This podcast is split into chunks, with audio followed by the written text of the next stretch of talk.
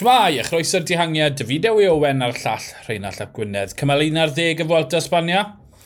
Geraint, yn y dihangiad nawr, o'n i'n sôn am y posibiliad o'n i'n cweit yn disgwyl e i ddigwydd. O'n i'n cweit yn siwt fe, Rheinald, ond twyd, neis gwele mas na. Ie, yeah, dyna'r peth. Uh, oedd e'n syndod bod wedi mynd mor gynnar. O'n i yn trafod neithwr, ond o'n i bod ni'n disgwyl i Geraint falle cymryd cwpl o ddyrnodau i ail ffindo'i ffordd. O na, a dde amdani yn syth. A Ghana yn gefn iddo fe, oedd dim yn digwydd tan y ddringfa ola a wedyn ni, ti'n Paul Ochselan ath lan yn gynta a dyna welon ni Ghana. Fe oedd yn tynnu'r grŵp a oedd yna'n dweud wrth y tîn syth, oce, okay, mae'n gweithio ar ran Geraint. Geraint yn cadw i bowdr yn sych. Ond pan ddath i i'r tân gwyll, oedd dim byd gyda Geraint mm -hmm. yn ei fox of tricks fel petai. Yr unig beth oedd yn gallu wneud yn y diweddglo oedd bwrw tempo pan ath caisedo lan yr hewl, na gyd oedd da fe. Ond, dyma'r ymdrech gynta. Mae yna sawl cymal i ddod. A gobeith yw bod e'n ffindo'i ffordd yn y dihangiadau yma a bod cymalau gwell i fynd i'r hewl fydd yn siwto fe. Ie, yeah, Mae'n atgoffa fi ar hyn mae Thomas de Chent yn gweud, mae to, ma wastad yn werth mewn mas yn y dihangiad mm. sydd ddim cweith yn siwtio ti, er mwyn ymarfer, mae'n cael rehearsal, er mwyn deall y rhythm y peth.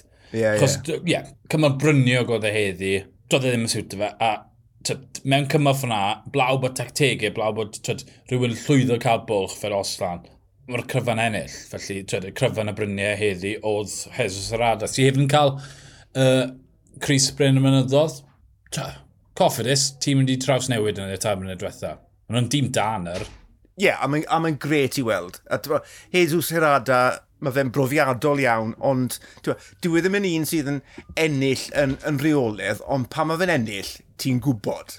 Ti'n bod, nath e ennill cymal y llynedd yn y Fwelta hefyd. Felly, mm -hmm. mae fe'n dda yn anelu at fuddigoliaethau fuddugoliaethau gwerthfawr a, a gwerth i'w cofio Ond ie, yn y diweddglo na, ti'n gweud fyna, diwedd ddim yn siwto Geraint. Doedd e ddim, achos pan oedd e'n dod i'r man miniog na yn y diweddglo, oedd dim byd gyda Geraint i weid, e, oedd e? Oedd e'n mm -hmm. olso ran o'r dechrau, felly just, just gwylio y diweddglo yn digwydd na athen y diwedd, ond diwrnod cynta, o nifer, dwi'n gobeithio. Ie, yeah, yr unig broblem efo fyna yw bod e lan dau safle i'r 19 safle, ond bod y bwlch i'r Cris Coch di haneri. Mae'n beth i 7 munud tu ôl na'r felly.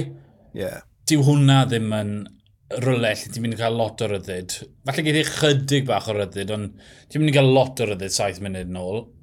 Ie. Yeah. Felly, mae'n galed, ond mae eisiau fe golli'r amser, yr un fath amser, a enllodd y heddi, yn y diwedd glofori sy'n eitha straightforward, ond, ie. Yeah mae angen y fe i golli amser mowr, 10 munud, hanner awr.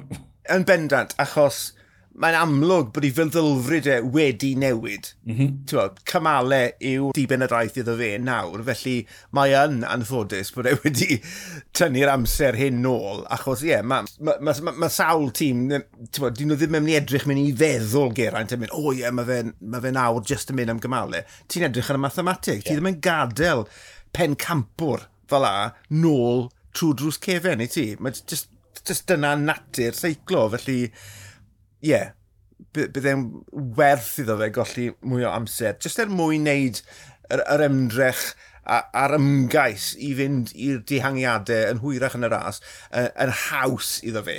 Chos nid yn unig, twyd, mae e 7 munud, 7 munud hanner tu ôl i cws, ond mae e rhyw 4 munud tu ôl i flasoff. Mm -hmm. Ti yn y mm-hmm. degfed safle. Twyd, yeah. Er nad yw'n bwysig i fe, mae degfed safle yn dod â gobrwyau i'r tîm. Twyd, tîmau e llai yn ymladd am bwyntiau UCI. Mae'n bwysig yn nhw i orffen yn y 15 ucha o'r Grand Tours. Felly ie, yeah, mae angen colli amser yn fe, ond mae Geron di'n gwybod hyn yn berffaith. Mae wedi bod yn neud e ers blynyddoedd. Felly ie, yeah, mae'n y gynllun, dim ar tro cynta, ond mae un o gana neu geraint yn debygol o enll cymal. Fi'n credu yn y deg dwrnod sy'n weddill bydde fe yn syndod tasau'r naill neu'r llall ddim yn gwneud rhywbeth special cyn y diwedd.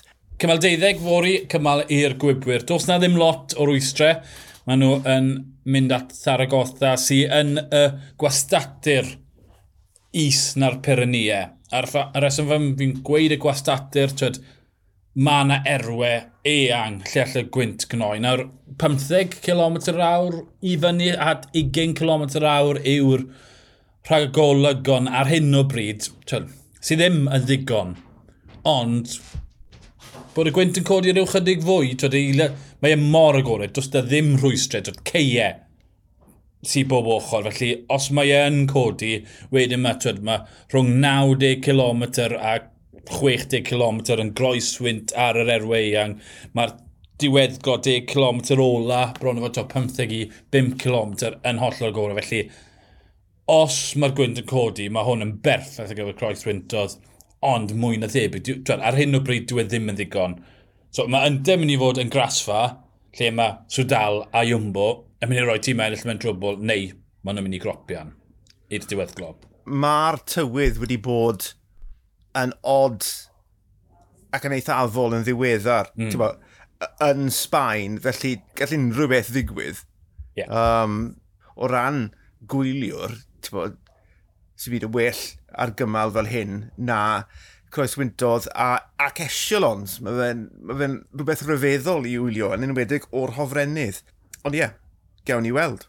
Ie, yeah, gen i weld, ond mwy na thebyg ddim. Fi ddim yn abod dim byd Ond dyw'r dyw rhaglag yn ddim yn edrych fel bod storm yn dod mewn. Felly, ynte, byddwn ni'n llawn cynnwr fy cyffro wedi cymafori neu byddwn ni bron y cysgu yn eich glistau. Mm, mm, mm. Ond beth sy'n sicr, dwi'n di Gwener yn y Pyrenea, mae'r ras y mynd i danio. Ni bron y cyrraedd y mynyddau mawr, ni bron y cyrraedd y cymalau tyngedfennol. O fi Dewi Owen a'r llall Rheinald Llap Gwynedd. Ni'r dihangiad, hwyl.